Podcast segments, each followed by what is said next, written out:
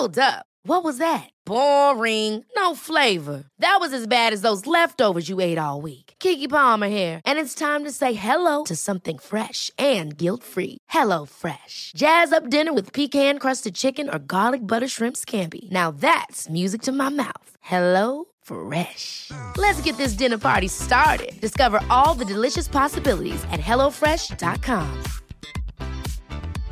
Imagine the softest sheets you've ever felt. Now imagine them getting even softer over time. That's what you'll feel with Bowl and Branch's organic cotton sheets. In a recent customer survey, 96% replied that Bowl and Branch sheets get softer with every wash. Start getting your best night's sleep in these sheets that get softer and softer for years to come. Try their sheets with a 30-night guarantee. Plus, get 15% off your first order at bowlandbranch.com. Code BUTTERY. Exclusions apply. See site for details. Podplay.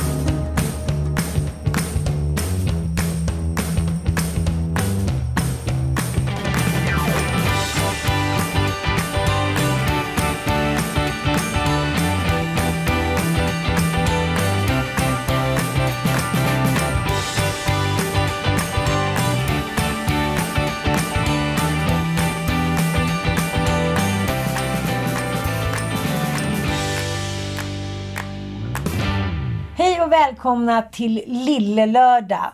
Eh, nu är vi tillbaka i stan, eller ja, det är vi ju båda två. Ja, äntligen. Det var ju på tiden. Du har varit i Gefle Jag har varit i Kifle. och jag har varit på Gotland. Ja, men jag är ju också jag är en hopplösing. För jag, jag drabbas av någon sån där otrolig midsommarångest när jag inte har barnen. Så då går jag liksom in i barndom. Så att jag kan inte planera någonting. Jag vill att någon Aha. annan ska lösa midsommar för mig. Ja, men det är väl bra. Ja, Du löser ju alltid allting annat i vanliga jo, absolut. Så det var väl bara skönt. När jag såg att det var mycket roliga stökiga fester på Instagram så kände jag samtidigt så här. Fan vad skönt att jag inte var där. Men stökiga fester, via vilka? Jag har inte sett en enda stökig fest på Instagram. Gud, såg du inte den som Nisse Tamma hade eh, och Felicia Enkell? Där Hive stod och spelade och det var dagsparty hela dagen. Och Jo, jag såg ju för fattar. fan ut som en festival. Men de är typ 25. Nisse och jag är väl ungefär i samma ålder, men absolut. Man. Kom undan med allt. Ja, men hörru du, du. Såg du matchen igår? Som man brukar säga nu för tiden under fotbolls-EM. Ja, det gjorde jag. Med eh, Hanna, tre små killar och Vilma. Mm, det gick bra. Vi, men till slut orkade vi inte längre så då alla hade somnat. Så då låg jag själv och kollade sista ja, men förlängningen på telefon. Men så bittert. Det var så här, men det var som att ligga med någon som man var så här superintresserad av. Som man hade så här, på något sätt hade man ska säga, hjältefierat innan och suktat efter så himla länge. Och sen på slutet så blev det bara ingenting. Vinballe. Vi måste avblåsa, det blev inget. Nej, men alltså jag ändå blir inte så här. Om man tänker på det liksom, lite större perspektiv så finns det ju ändå något otroligt skadligt med fotboll. Jag håller med dig. Det, är så här, det påverkar människor för mycket tycker jag. Rent men- psykologiskt. Det är helt bisarrt. Men också så här, just i, i ett sånt här... I vanliga fall är det 33 procent, men just nu är det ju 50 procent. Alltså det är ju 50 procent, vilket är ganska dåligt odds, för att det här laget ska vinna. Ja, alltså ja. Mm. risken att vi förlorar är också 50 procent. Men alla är så hoppfulla. Mm. Så att vi tror så hårt på de här 50 procenten, vilket gör oss alla till djur eller galningar. Också otroligt sårbara när det blir en motgång. Jag tänker, man lyssnade på de svenska fansen innan. Det är så säkra, nästan som så här dumma barn som fortfarande tror på tomten.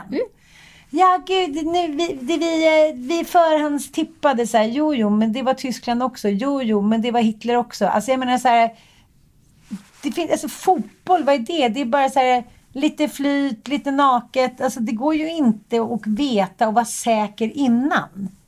Sen är det så här, ja, var det otur? Ja, då hade väl liksom motståndarna också otur. Det var också ribbsel eller skott och hit och dit. Men man är så säker på, just för att så här, det ska vara det bättre laget. Nej, det är otroligt vilken masspsykos fotboll liksom försätter oss i. Helt otroligt. Ja, men eh, hur kände du? Så att du kollade? Ja, du satt och kollade med din, din man som typ kommer han kunna ens fira sommar? Kommer han kunna gå på semester? Kommer han bara sitta där hemma och vara deprimerad? Ja, men på våra andra, liksom, du vet, andra året, du vet när allt ska vara över, du vet den där fantastiska mm. kärlekssommaren, när allting är perfekt. Då eh, är det ju VM. Mm. Och då åker vi ju runt i Italien på en bilsemester och har det så härligt. Och eh, helt plötsligt så kommer kom vi fram till Capri eh, och jag tänker ju här, nu ska vi njuta av Capri. Men det enda han vill göra är att gå och kolla på fotboll på matcherna, matcherna på kvällarna. Ja, alltså han vill hitta olika typ syltor där han kan kolla på storbilds Ja, och det är ju inte riktigt syltor på Capri. Det ska vi inte anklaga någonting för att vara. En birra, 200 euro typ. Ja, exakt. En birra, 300 euro och eh, absolut.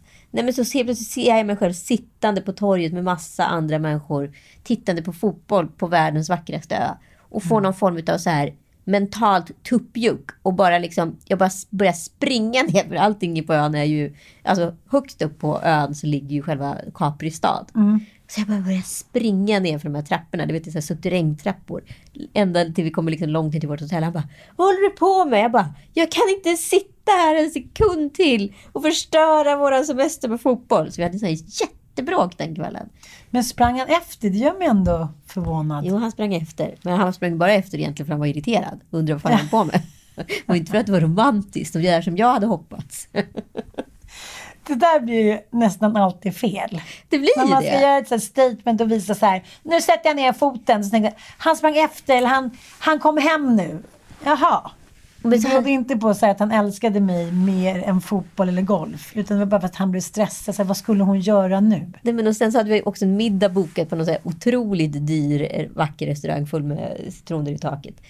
Och vi åt den här under tystnad, alltså tvärsura på varandra, där bådas behov var så otillfredsställda på båda sätt.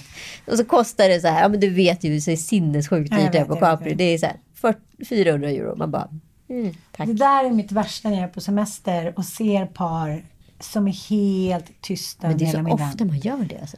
Oh, Gud, jag kommer ihåg när, när jag, Frida och Lillåsa var 17 så lyckades vi smuggla oss in på en så här, Klubb 33. Som var så här, ja men tänk dig typ ja, men Niklas Wahlgren och hans polare skulle starta en resebyrå. Mm. Nu var det inte det utan det var Lill-Nicke och det Ja, var ja, ja. Ving och sådär. Och det var ett par då. Hon var 23 och han var 25. Och de åkte alltså med på Klubb 33 som var ja, men en förtäckt och superresa för ungdomar med lite lyxigare inramning. Ja.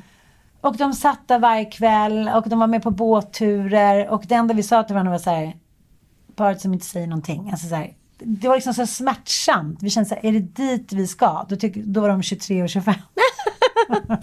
och det är också de vidrigaste personligheterna i Little Britain. ja. Hon som är så här, de är i 70-årsåldern och han fixar allt och bjuder på romantiska middagar och tar henne på olika resor. Och hon, ja, han som är då Nu sänds ju inte Little Britain längre Nej. så kan vi säga till våra lyssnare för att det har ju blivit eh, Lite rasistanklagad. lite rasistanklagad. Men det är så sorgligt för att det spelar ingen roll. Hon är så bitter på deras liv. Så det spelar liksom ingen roll vad han gör. I slutändan så har han ansträngt sig i veckor. Är det bara så här. I don't like this.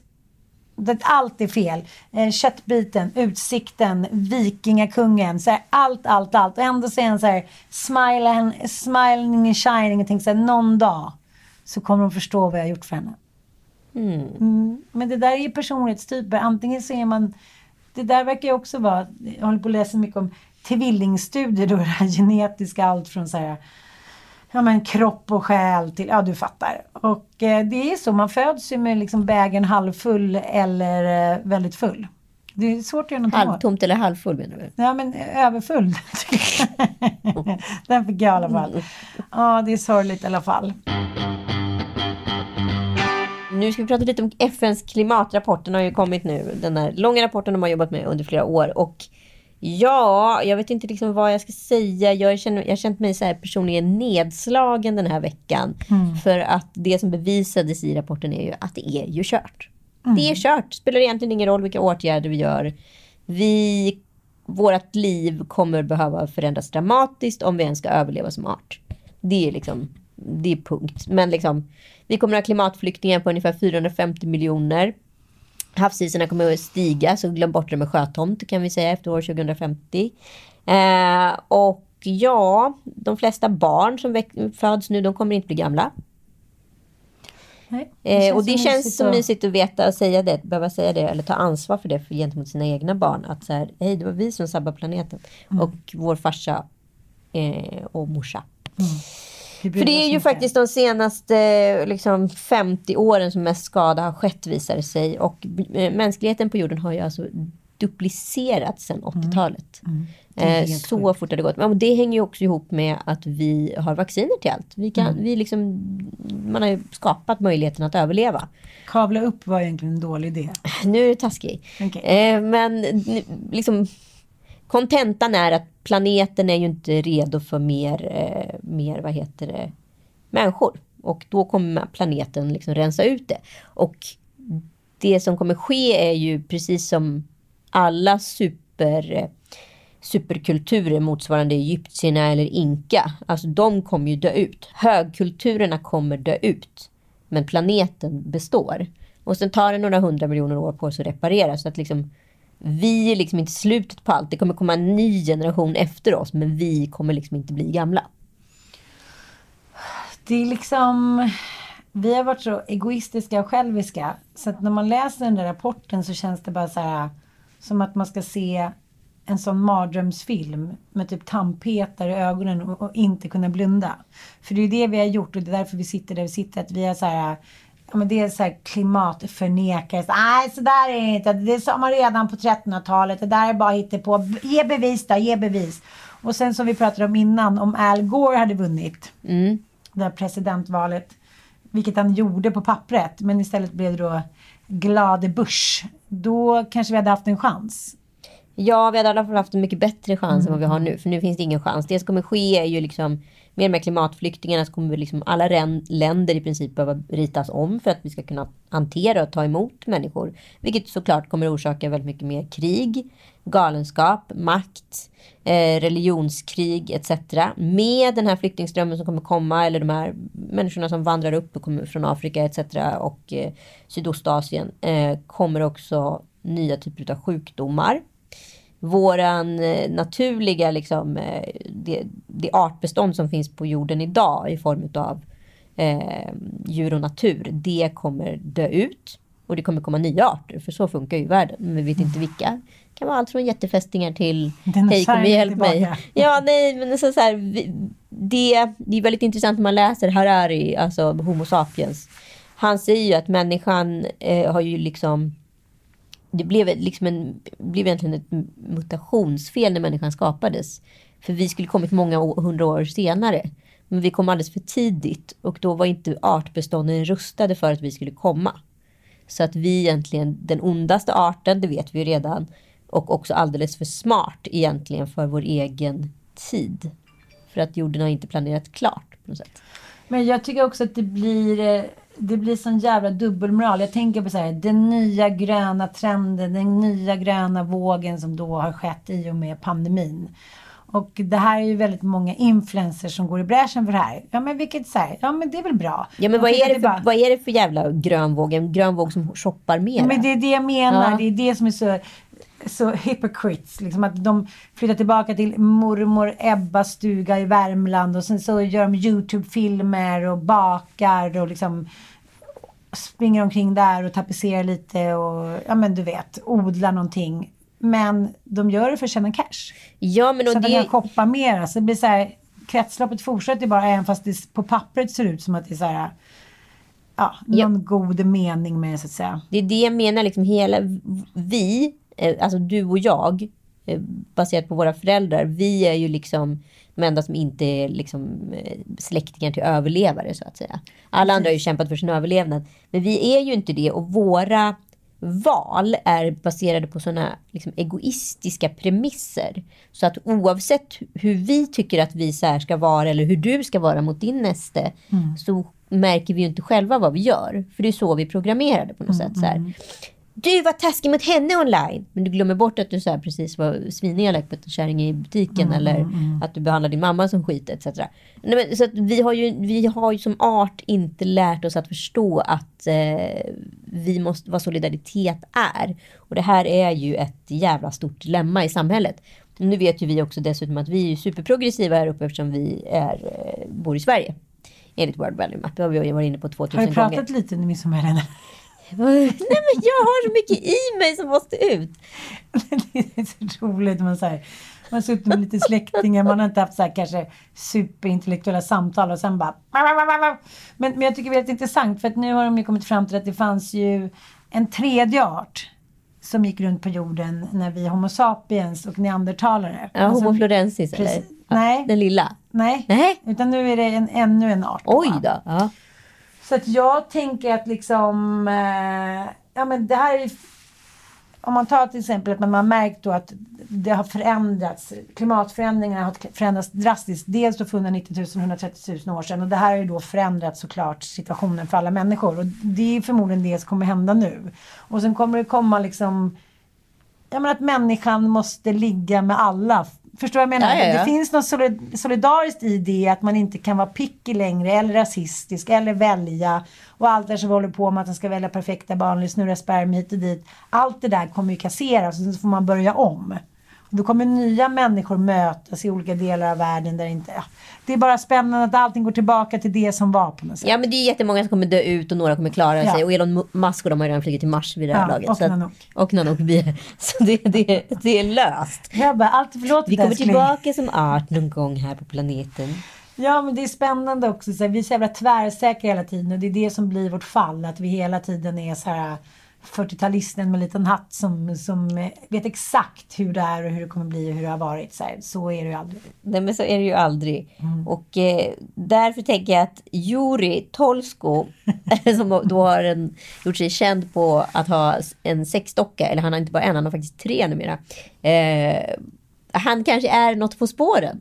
Men Att du har visat den här mannen för mig så att jag nu inte kan låta bli att gå in och så här sneaka pika hela tiden. Hade det äckligaste utav det Nej, men äckliga. vad är, det, så, vad är det för typ av grottmänniska som ändå får uppmärksamhet? Jag hatar när det blir så här. Ja men jag med. Ja. Jag är också mer chockad över att Instagram inte heller, som och ändå sett tar bort massa body positive kvinnor etc.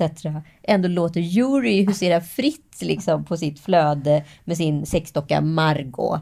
Ja. Margot har ju också ett eget konto. Yuri har ju alltså 110 000 följare. Men Margot, dockan, där tycker jag liksom mänskligheten är tragisk på riktigt. Har 113 000 följare. Men, men jag blev så nyfiken på det här så då eh, har jag ju gjort lite research och då kommer det fram såna här fakta som gör så här råttan i pizzan. Men det är faktiskt inte det. Utan 1941 så beställde Hitler en sexdocka då. Hitler. Ja. För att det var så, här, det var så jävla mycket könssjukdomar i eh, den ryska armén. Och det här försvagade ju såklart hans liksom, superarmé. Och gissa vem som fick ut sig, vem som fick skäll för det? Denisova. Denisova. Dennis. Kvinnorna. Det var kvinnorna som smittade männen. Det var inte männen som knullade mycket. Det var kvinnorna. Eh, och då var det så. Eh, han ville då, de här könssjukdomarna var inte bra.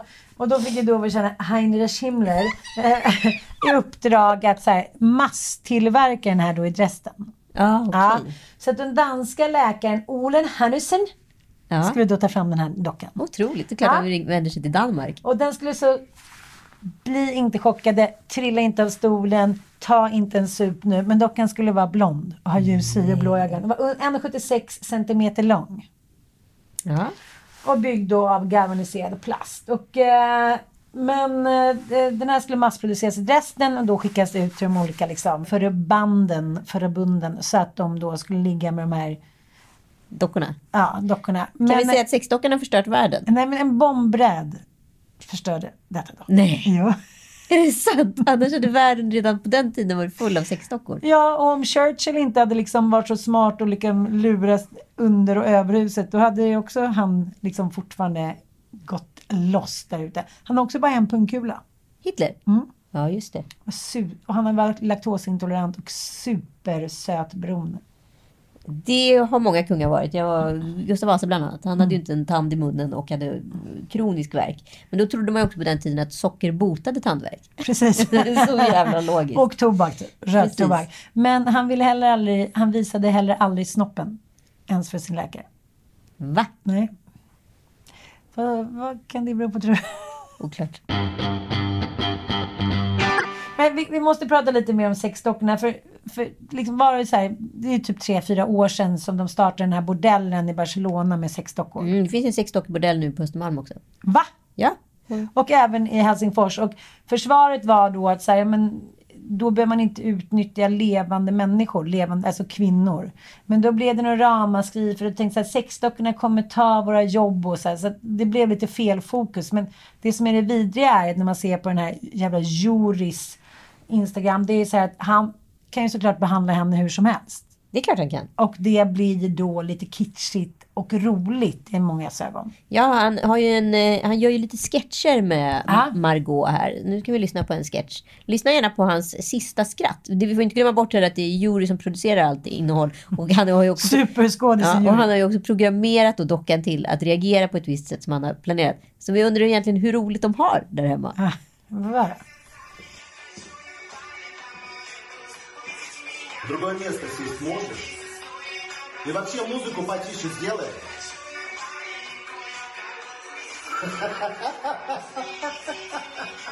Kanonskratt. Så...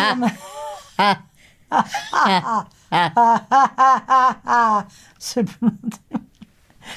Men jag vet inte. Det är ju så här. Jag vet, det är ju det som är hela grejen. Att man luktar sig till precis som de djuriska instinkterna. Att så här, alla män jag har gått hem och legat med har jag gått hem med för att jag tycker de har luktat gott. De har haft en doft som har tilltalat mig. Som har varit helt osynlig undermedveten då. Någon drift att säga jaha. Och dagen efter så här, but why? Ägglossningsmännen finns ju. Men, men allt det där har varit gemensamt. Det har varit någonting som jag har liksom gillat med deras hud och doft. Ja, vad, ska man göra då? Eller att man fått en litet smek, legat sked så här.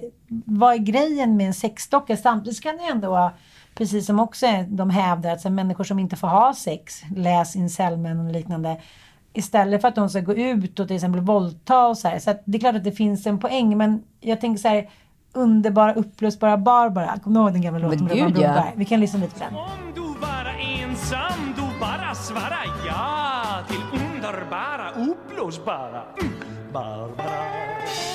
Ja, när de först kom på 80-talet, sexdockorna, då var det kanske inte jätteskönt. Och det, och det var ju inte så här gjorda utav så Nej, här men den var ju gjord utav så här... Hårdplast, badplast. Badbollsplast liksom. Noppedoni måste bli så skarvad. Nej men, nej, men det enda jag tänker på är ju så här, det enda som eventuellt skulle kunna tala pro sexdockor är ju just att så här, det kanske häver prostitution och så vidare. Eller så sitter man och kollar på Onlyfans eller vad fan man nu gör och knullar med sin plastdocka liksom. I don't know. Fast det är män, alla män som går till prostituerade, antingen så har de någon konstig liksom böjelse eller också Nej, så alla de har känner ju makten. inte det. Nej, men då är makten, det är det det går ut på. Känner man makt över en docka? Ja tydligen. Alltså då är du ju så sjuk så att jag menar så här, då var, eller så är du så liten. Så att du liksom blir, blir triggad utav det.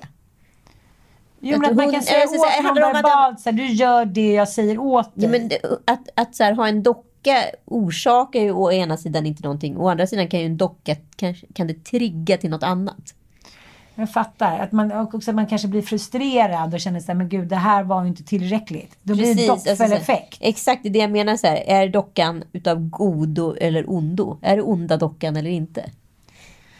Därom tvistar de lärde. Kan inte ni eh, DM oss eller säga... Här, Nej, fan man inte. Liksom. Nej, nej, Skriv hellre kommentarer. Ja. Jag vet att ni så här, det är jättemycket, det är jättekul att få mycket DM, men det är också sjukt svårt att svara på alla. Så att det är mycket bättre att ni skriver kom, eh, kommentarer så att det blir en levande diskussion i feeden. Jag, jag är väldigt nyfiken på hela jag sexdockevärlden. förstår också så dåliga älskare det skulle liksom Men cyber- frammana. Men tänk också så här, VR6 och ha en sexdocka.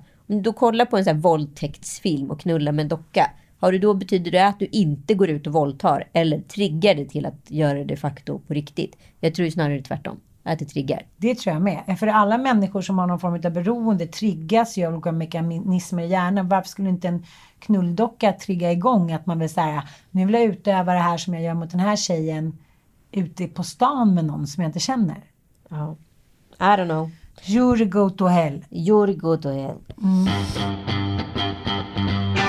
Det var så roligt för att under midsommarhelgen så hade en av mina kompisar med eh, ett vin som heter Puros. Mhm. Flaskan ser exakt likadan ut. Den är så här klassisk. Är det här något jag ska känna till? Vinet Puros ja. Det är ingen aning. Va? Och Aurora Puros. Ja, Aurora kommer jag ihåg. Ja men det här var i samma klass. Jaha. Det är så här ett lätt porlande rosévin i en flaska, sån här klassisk 70-talsflaska som är lite som en sån här droppe. Okej, ja, men jag och du jag vet vet vilken det är. Och du vet när hon kommer med jag är så här, okej. eh, hon är väldigt artig-fartig. Jag, jag blev ändå lite förvånad. Ja. Hon bara, det här är så lättdrucket, det är perfekt så här, till sillunchen hit och dit.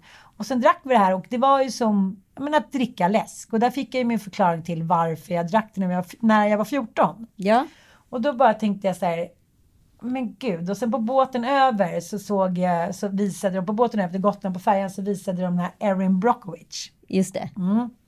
Och då kom jag fram till två saker som har jäckat mig. Mm. Ett, varför jag inte klarar av Julia Roberts. Varför klarar du inte av Julia Roberts? Nej, för att hon har den personlighetsdefekten, ursäkta, som jag inte klarar av. Att hon aldrig utmanar sig själv. Hon vågar aldrig, liksom, hon vågar aldrig säga okej, nu satsar jag allt på ett kort och gör en annan sorts roll. Eller testar någonting annat. Utan hon har kört de här tuffa brudarna, lite corny med tugg- tuggummi som kanske inte är så smarta men som vinner i slutändan för att de är gulliga och smarta Men ändå. tror du, tror du det är hennes fel eller är det för att hon har hamnat i ett fack? Som bara så- får sådana roller? Jo, men människor hamnar i fack och då är det så här, okej, jag vill inte vara i det här facket, jag drar. Ja, men då sen- är hon inte försörjd. Nej, Eller är le- risktagande eller hon bara smart? Nej, men hon är bara smart för att hon... Det, det finns ju flera svenska skådisar och programledare som kör på samma linje och de överlever ju. Gud ja. Men, men ja, hur som helst så ser jag henne eh, i en scen i Erin Brockovich-filmen eh, och känner så här, nej, nu gillar jag henne igen. Jaha. Så att det fick liksom någon retroaktiv tonårsförsoning med Julia Roberts. Och vad hände då? då? Nej, för att hon, eh, det var den här scenen när hon eh, sitter med sin eh, kille. Hon är ju då en, eh, ja, en tjej från typ, vi säger Arkansas, eh, ensamstående mamma som jobbar på en advokatbyrå. Men hon har ingen juridisk utbildning eller Nej, precis. och sådär. Men hon tar sig då an det här fallet. Det är så förgiftat vatten i hennes område. Just det. Och lyckas få det här företaget fällda då och få betala såna jävla skadestånd till alla de här människorna som har blivit sjuka. Läs då, eh, ja men undre, nej inte ens, ja, men Underklassen. underklassen så att säga. Och eh, så känner jag så här, nej men hon gör det här bra, hon är trovärdig. Men så är det en scen där hon kommer in, ungarna har somnat, hon har jobbat så här 16 timmars pass. Han har ju då ag- agerat någon nanny till henne, han är hennes nya pojkvän, de är jättekära och han sitter med en ring. Hon kommer in och är så här, Hi sweetie. Och han är så här, Hi. Och så säger han så här, jag skulle ge dig den här ringen nästa gång du var gullig mot mig. Och, eller jag tänkte så jag ska ge den här till Erin nästa gång hon säger något fint eller är fin mot mig. That was a long time ago. Mm. Då bara, okej, tillbaka till så här, allt är kvinnornas fel, 90-talsbeskuldning, bla bla. Men så som det fortfarande är. Och då säger hon bara så här, vad är det du vill då? Jag vill att du ska sluta jobba. Mm. För nu har du ju pengar och så här, jag hjälper dig. Och då säger hon så här, men vad är det du inte förstår? Du måste förstå så här, jag är inte ens utbildad. Det är ingen som har brytt sig om liksom, vad jag har sagt på en middag eller ute i samhället. Helt plötsligt kommer jag in i ett rum, folk tittar på mig med respekt. De tror att jag ska förändra någonting. all I've ever done is bend my life around what men decide they need. Well, not now. I'm sorry. I won't do it. Well, Aaron, I'm not them, so. I mean, what more do I have to do to prove that to you? Stay. Men så här, visa att du inte som andra snubbarna, att jag inte ens fick vara med och bestämma när de skulle dra. De bara drog en dag. Liksom. Det känns ju väldigt amerikanskt. Um, då, då tar han ner och så ställer han ringen på sängen och så går han. Och då tänker jag, men på män, så tänker jag hur många män som man har så här omhuldat och så här, gett frihet och kärlek och se till att de så här, häng med mig ut på den här blomsterängen där allt är möjligt med barn och kärlek och frihet och liksom framtid. Men så, så hamnar det så jävla snabbt i den där att man, man får skit för att man vill någonstans. Så är det väl alltid. Jag kommer ihåg Ja. också min första eh, stora kärlek, höll jag på att säga. Nej, men en av de första stora kärlekarna är Johan. Det här var under fotbolls-VM 2002. Och vi gick på Malaysia. Och Då förlorar Sverige. Och han klarade inte av att sova med mig den kvällen. När han var tvungen att ta hand om sig själv och sina känslor runt fotbollsförlusten. Men sluta. Nej men så är ju många män. Okej, förlåt. Gick han ut och la sin hydda Tom en skorpion? Nej, eller? vi hade olika, vi hade olika hytter höll jag på att säga. Vi hade olika hyddor. Så jag fick inte sova i hans hytta den kvällen. Den här klänningen, jag är ju pappmaché-människa. Ja, Jag du bara, får inte röra "Jag är dig." Jurys nya våta dröm, pappmaché-kvinnan. Jag bara... Onda kan- dockan. Ni Jag kan få lyssna nu hur det låter. Ja, om, ni, om när ni hör det här ljudet. Då är Då är dags. nära. Då är det dags att byta podd. Nej, men då kände jag så här, okej. Men är det så att vi behöver ha lite retro i vårt liv då? För det här är ju ändå retro i... Eller har saker fått ett nytt värde i omgång nummer två? Jag såg ju om eh, The Fall. Och den var ju så, kändes så sinnessjukt aktuell. Och den har ju ändå tio glada år på nacken. Eh, Men jag eller att var... att ingenting har hänt? Är det det? Nej, men jag, jag tyckte att, att det var så roligt att tänka så här. Det som mitt 14-åriga Ann avgudade. Ja. Hur mycket av det tycker jag fortfarande är fantastiskt. Mm. Och då började jag tänka på så här, ja men inte kanske på så ideologiska grejer bara, men så här.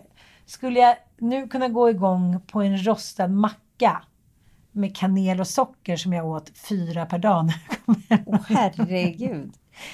Kanel och Eh. socker byggde denna vackra kropp. Ja, ja, men du vet. Och så tänkte jag, ja, jag menar apropå det där purrosvinet. Att det är så här, i tider när vi inte riktigt vet vad vi är på väg eller på väg mot the apocalypse now.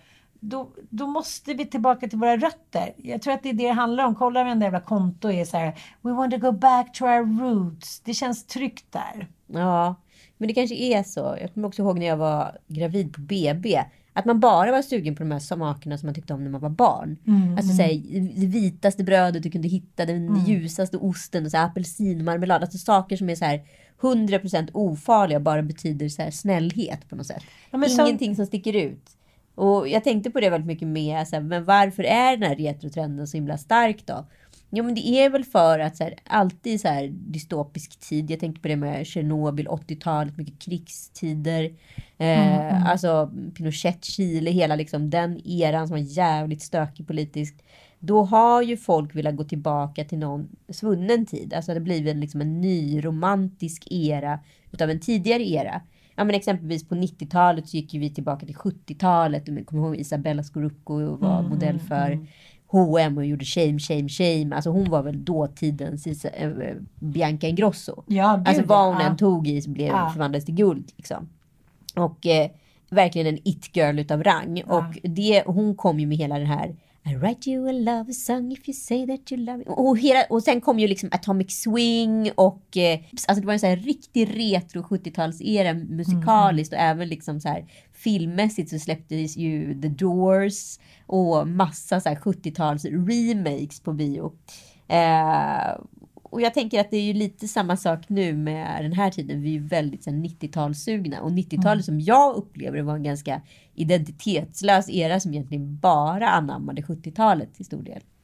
Men, men det var ju det som hände då eh, i början på 90-talet. Den otroligt så här, ekonomiska härdsmältan som hände Ja, över hela världen. 1991. Precis, och jag kommer ihåg det så otroligt tydligt. Jag kommer ihåg att min kompis hade köpt en etta inne på Östermalm. Hon var så här, jag har 28 procent i ränta. Hon hade så här, men hon jobbade som balettdansös. Hon hade så här, vad kunde hon ha haft? Så här, operan betalade så här 14 glada laxar i månaden. Det räckte inte ens till hennes hyra. Eh, och det var så här, det var lite som så här, det som händer nu att okej, nu, nu förmodligen så kommer räntan fortsätta vara nollränta. För att regeringen är så här, men det kommer, det kommer gynna Sverige. Så här. Men det var liksom ingen kunde, som kunde stoppa det som skenade. Och då jag tänker så här som arbetslösheten och det var ju då också alla började så här sjukskriva sig. Det blir så här, mm, ja men Experterna talar ju om en ekonomisk kris 2026, alltså en bostadskollaps. Så vi kommer tillbaka dit. Men jag tycker det är så intressant för när man kollar på statistik hur folk har sjukskrivit sig. Rent historiskt så har de ju alltid, har människor alltid sjukskrivit sig på måndagar. Jaha. Men efter den finanskrisen så börjar folk också börja sjukskriva sig på fredagar. För då kom mobiltelefonen och bla bla bla. Och sen kan jag tänka lite för de tänker så här, men mår människor, när man kollar statistiskt, mår människor så jävla mycket sämre på 90-talet och 2000-talet än vad de gjorde på liksom 50, 60, 70-talet. Och då, då, då är ju ändå tes att så här, den här nya generationen människor tycker inte att de ska behöva jobba för att tjäna pengar. Nej, Nej. nej det räcker vara influencer. Ja, men, ja, men jag menar så här, moralen, arbetsjobbmoralen har ju såklart sjunkit drastiskt i med de här nya, nu säger jag hittepåjobb, men vi, vi båda delar av det här liksom spelet. Så att, jag säger det bara för att förtydliga, så här, det är ju inte att stå och plocka morötter vid ett löpande band. Det är ju inte att så här, stämpla in, ha 40 liksom, minuters rast och sen så jobba till fem genom att så här, liksom, skruva bilar på Volvo. Det är så här, i jämförelse med den tiden så borde vi inte ha en enda jävla utbränd människa. Och ändå så bara skenar det. Ja men precis, men det är det som har förändrats. Det är ju från, från en arbetsslitage eh, och sjukskrivningar så har det blivit, eh, har det flyttat in i huvudet hos folk. Eh, för att om man klarar inte av det sociala spelet och mm, människor har, har väldigt, är väldigt mycket mer fragila. Vi är inte så motståndskraftiga. När du står vid ett rullband eller står på en åker och plock, plockar liksom rovor eller vad fan du nu gör. Du, inte fan hinner du tänka på alla krämpor eh, eller liksom, du har, alltså, tiden i sig är ju ett problem för mänskligheten i och med att vi helt plötsligt har tid att tänka och oroa oss och grunna. För liksom när du ska bara så här kämpa för din överlevnad per se, vilket människor, ja, allt från rullbandet till rovfälten har gjort. Då har du inte heller eh, möjlighet att, att eh, gå så långt. Det är därför det inte finns så mycket psykisk ohälsa i exempelvis Asien och Afrika och alla möjliga liksom, u-länder. Det är ju en västvärldssjukdom. Och eh, det är också det jag tycker är så hemskt med FNs klimatrapport. Att de länder som kommer drabbas hårdast utav västvärldens livsföring är just u-länderna. Så att så här, de vinner aldrig. Det är så jävla orättvist. Men eh, vi måste ju ändå börja benämna liksom det parlamentariska läget så att säga. Och jag tycker att PM Nilsson på DI som eh, skrev ledar, som är ledarskribent där, han uttryckte det här så väldigt fint. Han, Han är bra, tycker jag. Han är väldigt bra. Alltid träffsäker. Ja, för att så här, jag tyckte han var, verkligen så här, måla upp det precis vad som har hänt. Liksom att det man egentligen bråkar om är ju två olika liksom, parlamentariska lägen. Det blåa blocket som alltid slåss för frihet, friheten att välja, friheten att göra det, ekonomisk frihet, bla bla bla, skolval etc. Under tiden det, liksom, det röda blocket alltid slåss för liksom, jämlikheten, alltså att det ska vara rättvist fördelat på arbetsplatser i situationer och så vidare. Och då tänker man så här, men frihet, jämlikhet och brödraskap, det är ju trikoloren. Det- Alltså det är klart att det ska kunna gå hand i hand, det är inga konstigheter. Eh, men Bruce skrapa lite på ytan så ser du att det, det funkar ju inte alls. För att så här, vill du helt plötsligt ha frihet exempelvis som i skolval. Då kan du ju inte ha jämlikhet för att då kan du inte längre ha en frihet. För jämlikhet kräver ju att det är lika rätt för alla. Och friheten säger ju att du ska få, individen ska få välja vad den vill och vad som är bäst för den. Och det här blir ju liksom jätteproblematiskt och vad som har hänt är ju att Centern då som är i mitten, på något sätt mittens rike mellan jämlikhet och frihet, tror ju att det här är fören, alltså det här går att förena. Men det gör ju inte det. Vilket gör att Centern lever efter en ideologi som inte längre fungerar. Och det betyder att Centern, som alltid varit mittens rike, måste helt plötsligt välja frihet eller jämlikhet. Och, det vill, de, de inte göra. Nej, och därför sitter vi i den situationen vi sitter. Så mycket spännande att följa den här politiska utvecklingen, även om jag känner mig, känner mig lite rädd. Men jag tänker, det, som gör mig rädd, eftersom det finns inte längre någon rödgrön röra. Det finns liksom eh, den rödgrönblåa röran, det finns de blåa och det finns de röda och det finns eh, liksom, de kommer inte kunna beblandas på det sättet. Men det som har hänt nu är ju att Jimmy Åkesson sitter i sån jävla guldsits. Han kan ju kräva vad som helst för att de behöver ju honom så mycket. Ja, och det allra bästa som skulle kunna ske är ju det man önskar att sossarna hade gjort för länge sedan. Våga vara patésossar, precis som de var på Palmes tid. Ta Ulf Kristersson i handen och så löser det här. Så kan vi bara så sparka ner Jimmy från sin predikstol. Men Ulf Kristersson, hur mycket cojones har han fått? Bilderna de senaste dagarna i pressen så här, kom in i en så här flaxrutig kavaj, brunbränd och ser ut som att han så här, ja men är någon jävla liksom italiensk super posse, possepolitiker. Det är bara roligt. Så här. Helt plötsligt är det hetluft. Helt plötsligt så är det så här, vi är inget mellanmjölksland. Det här intresserar ju Nu hela ska världen. du se ut som en statsminister. Precis.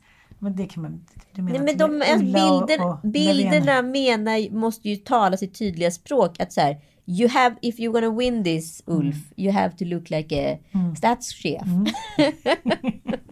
Men jag tycker han ser trevlig ut. Jag Ja, är lite jo, glad det i är en ju- sån här skjutiga Ja, men man, blir ju, man får ju inte vara så förenklad och bara tänka på att en bild säger mer än tusen ord. För så är det ju inte. Nej, Nej. vi fortsätter det här nu. Ja, Lite men- magont. Jag har lite magont. Mm. Nu tar vi en liten bumper här Magnus.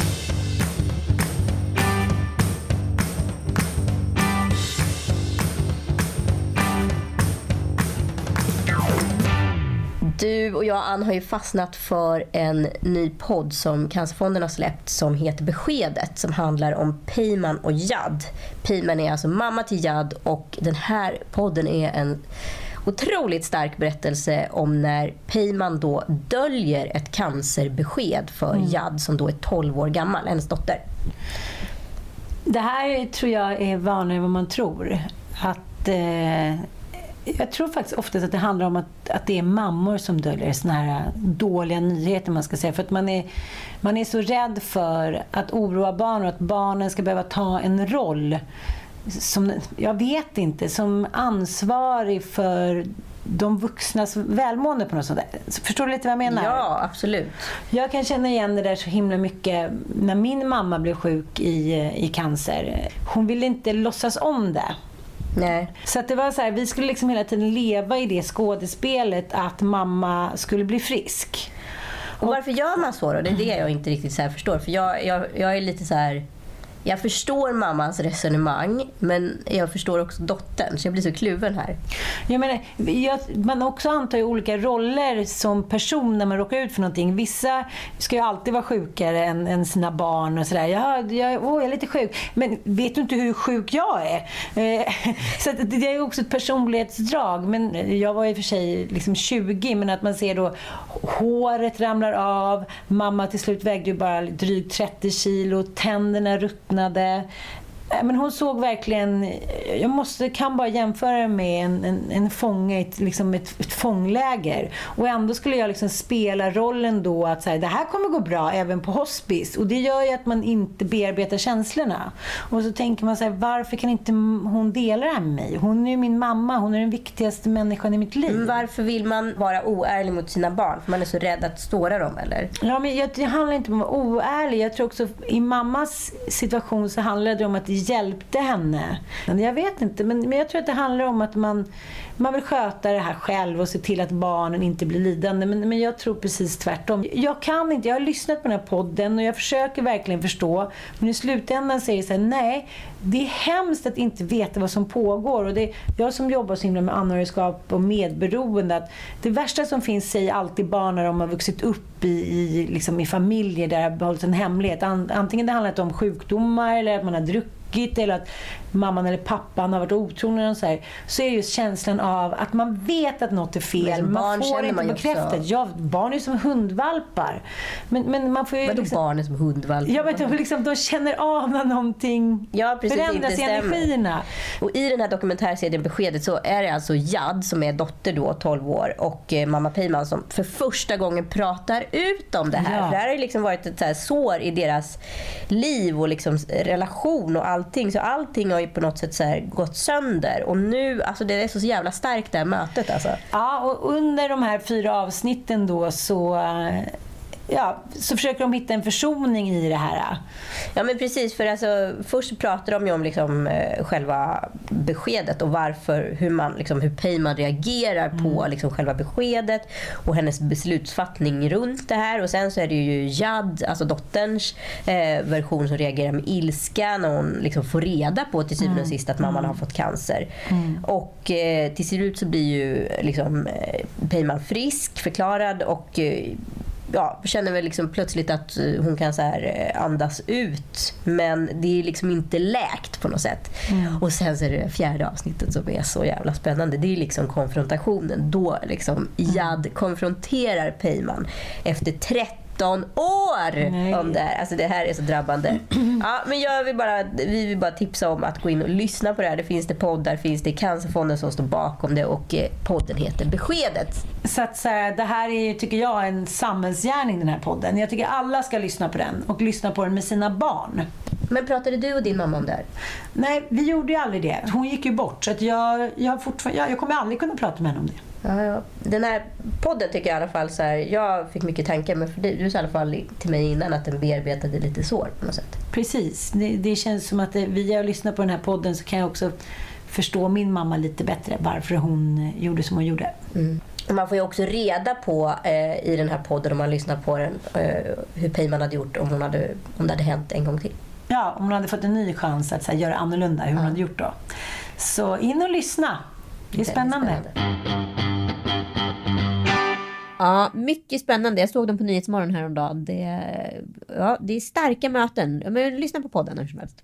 Du hade haft lite spaningar, fru Söderlund, fru Söderlund. Ja. Mor salig, mor Mor salig. salig. Nej, men jag tycker så här. Lagom till midsommar så eh, börjar man känna någon form av stress från eh, många män tycker jag.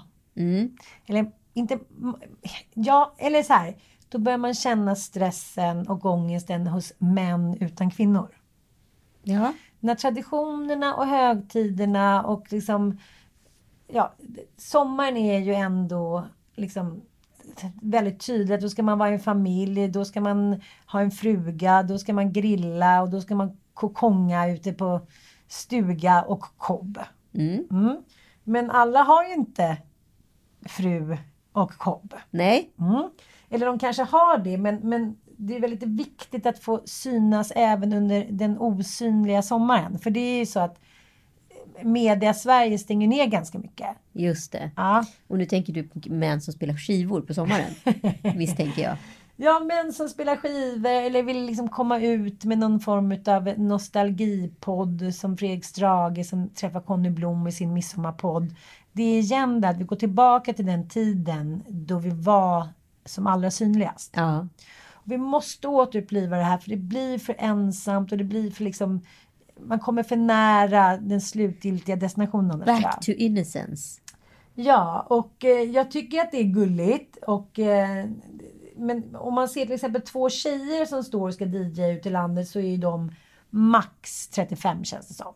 Ja, Ja. absolut. Jag tror Rebecca Fiona. och Fiona är äldst och de är väl runt 33 va? Precis, ja. Men när det kommer till Karaslokarna då verkar det vara 70 som är... ja men Plura.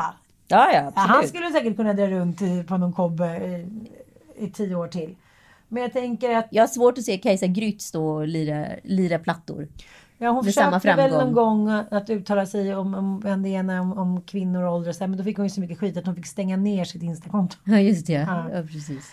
Men jag tycker det är lite gulligt att då är så här Per Sinding Larsen och herr Lindström då som... De, de- ville vill ju gärna visa att de har distans till det så de använder ju sådana uttryck som herr Lindström och så här. Per, per Sinding Larsen säger det. Fredrik och jag spelar igång sommaren på Hotel Begalls takterrass i Göteborg i veckan som en del av vår inte alltför aktiva Neverending skivryttarturné.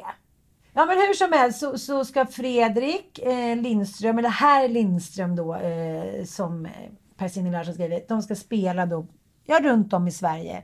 Både nytt och gammalt, men från sju decennier som, som de säger då. Och det här tycker jag hela essensen, de vet ju att det här inte riktigt är fräschör kanske.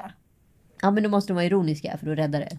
Precis, att det är så här, ja men de måste påpeka att så här, ja, gubbarna spelar från sju decennier, det får ni stå ut med. Mycket nytt också som de påpekar. Och han kallar sin kompis för herr Lindström och de har skrivit second hand då på skivorna. De kör ju lite, bilden är ju då på hans konto så här, gubbar ska ut och svänga sina lurviga. Mm. Men det är ju bara en dimridå. För Att komma åt den här fräschören i de unga som fort, ska fortsätta tycka att de är coola. Ja, ja, men det är väl så män alltid har gjort. Jag menar så här, den typen av män var ju också liksom äldre när vi var yngre. Ja. Och liksom hade väl alltid liksom ett hov utav yngre Mm. kycklingar runt sig. Men maktposition, positionerna har inte förändrats för det. För det är fortfarande samma män som står vid spakarna. Ja. Och det är samma kvinnor som står framför och dricker alkohol. Det här är ju faktiskt den sista podden nu för i år. Nej, jag bara skojar. Innan sommaren. Vi ska ha en liten månads ledigt här. Men vet, Ann och jag kan man ju aldrig lita på. Vi kanske får feeling och podda någon dag bara. Ja, Ja, så kan det bli. Men räkna inte med någon podd i juli. Det vill vi vara tydliga med. precis. Det här kommer ju också skapa kanske en annorlunda semester för mig nu. Exakt. Mm. Men Men- jag slipper ha teknikhaveri. Men jag tycker det har varit så intressant. Jag ska till Grekland nu eh, i övermorgon. Eh, och, Övermorgon. ja, och vill ju förneka min födelsedag. Så att jag tänker absolut inte fira den på något sätt. Eh, Den är idag, bara så att ni vet det. nej. Det är den ju. Ja, men bara fuck you. 42, nej 43. Ja, bara... Så, nu är du ute, borta, hej då. Det är mycket enklare att prata om när man är 42. Jag vill inte vara 43, så kan vi säga. jaha, vad är skillnaden? Nej, men 42 jag 43? vet inte, jag bara ja, hon känner var att det- 43, ja, hon var... 42 känns mycket yngre. Men säg att du är 42 då. Men jag kan inte hålla på och ljuga. Så om jag ska fixa en tårta till dig imorgon bitti, då ska det stå 42 på den. 40 någonting.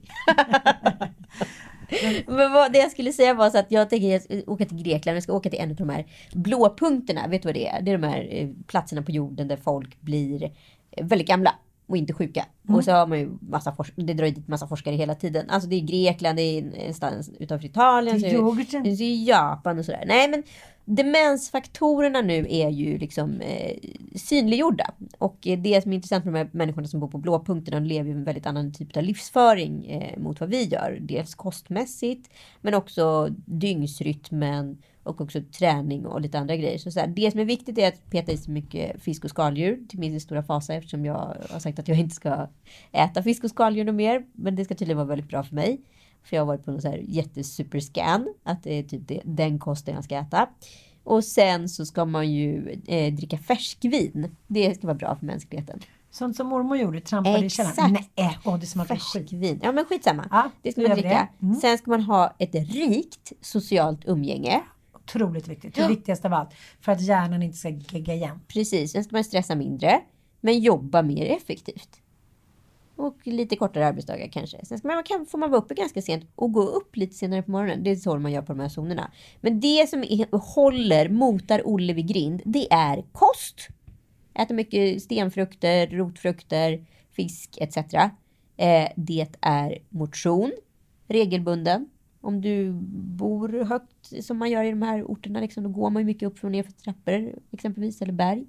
Eh, här kan vi använda gym, det funkar ju bra. Ja, ja, ja. funkar bra. Trappmaskinen.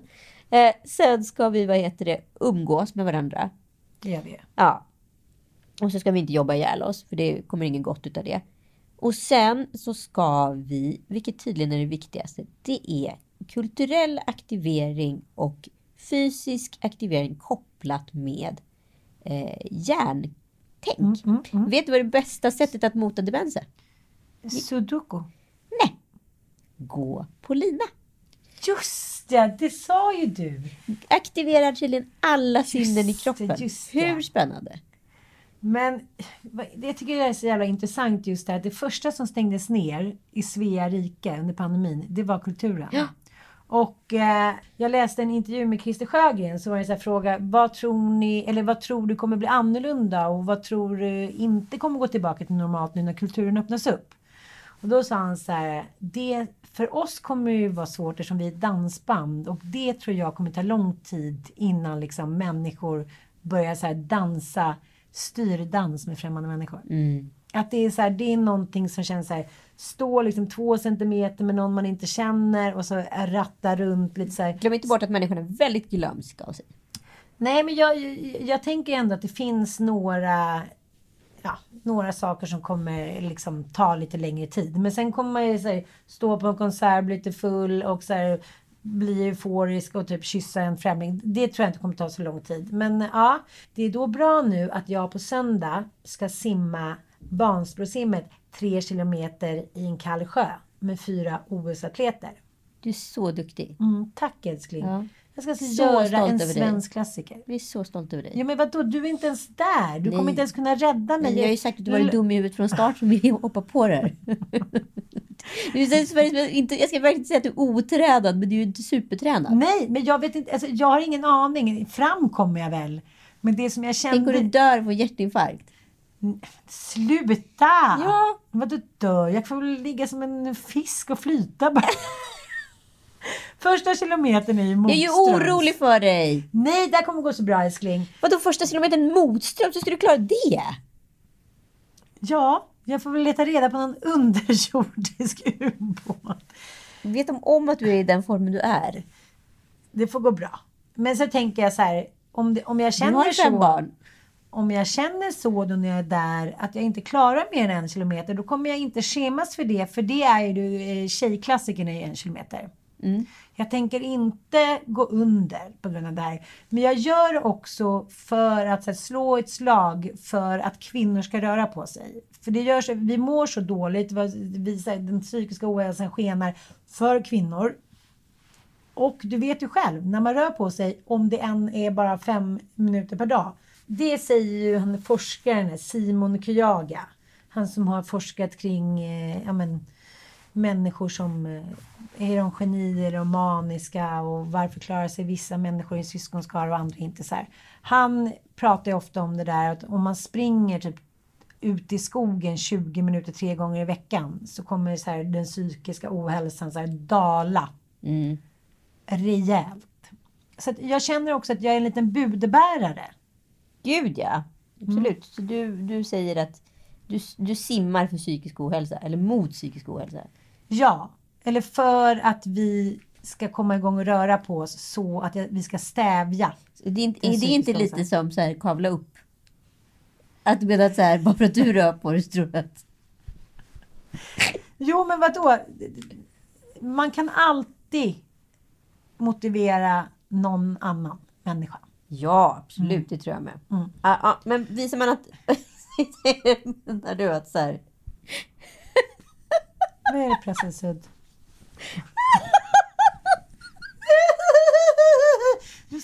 Menar du att du är så dåligt skick? så det ska inspirera andra som är lika dåligt Ja, nej men jag menar bara att så här, att nu var jag ju fyra människor som är väldigt vältränade. Jag tror många tänker så här, gud jag kan Hur ska aldrig den göra... där gumman... Nej men hur ska jag kunna göra en svensk klassiker? Men älskling, alla klarar ju av att träna en smula och simma en kilometer. Absolut. Eller?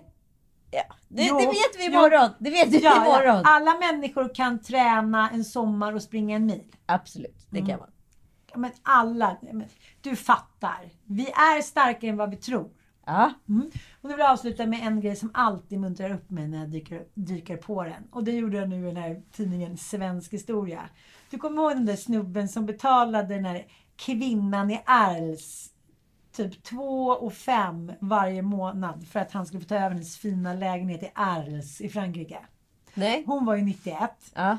Och i Frankrike så har man ju sådana kontrakt att man kan så betala någon för att få ta över ett hyreskontrakt.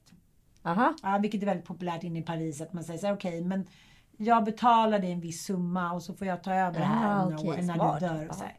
och hon var ju då 93 och storrökare. Och han eh, som hade liksom bra med cash sa men vet du, jag betalar dig, jag tror att det var 2500 franc varje månad fram till du dör. Jättesorgligt. Och hon var så här, okej, oui, oui, oui, oui. Men grejen är att hon, hon levde tills hon var 117. Hon slutade röka när hon var 116, inte för att hon hade problem med lungorna utan för att hon inte kunde tända tändan. Det är det roligaste jag. Det är du. Ja, och han dog ju tre år innan. Nej. Så han satt liksom och, och betalade såna monstruösa summor. Men han inte ens får flytta in i sin lägenhet i alls. För där satt hon och så här pekade finger och bolmade och levde livets glada dagar. Det är gulligt. Mm. Så tänk på det nästa gång ni ser Ann Söderlund. Att det är en blivande 117-åring ni har framför er. På grund av, Heja på eller tack vare, att hon har simmat! Vansbro. Min klassiker. Min klassiker. Puss och kram! Ha en fin sommar, vi hörs snart.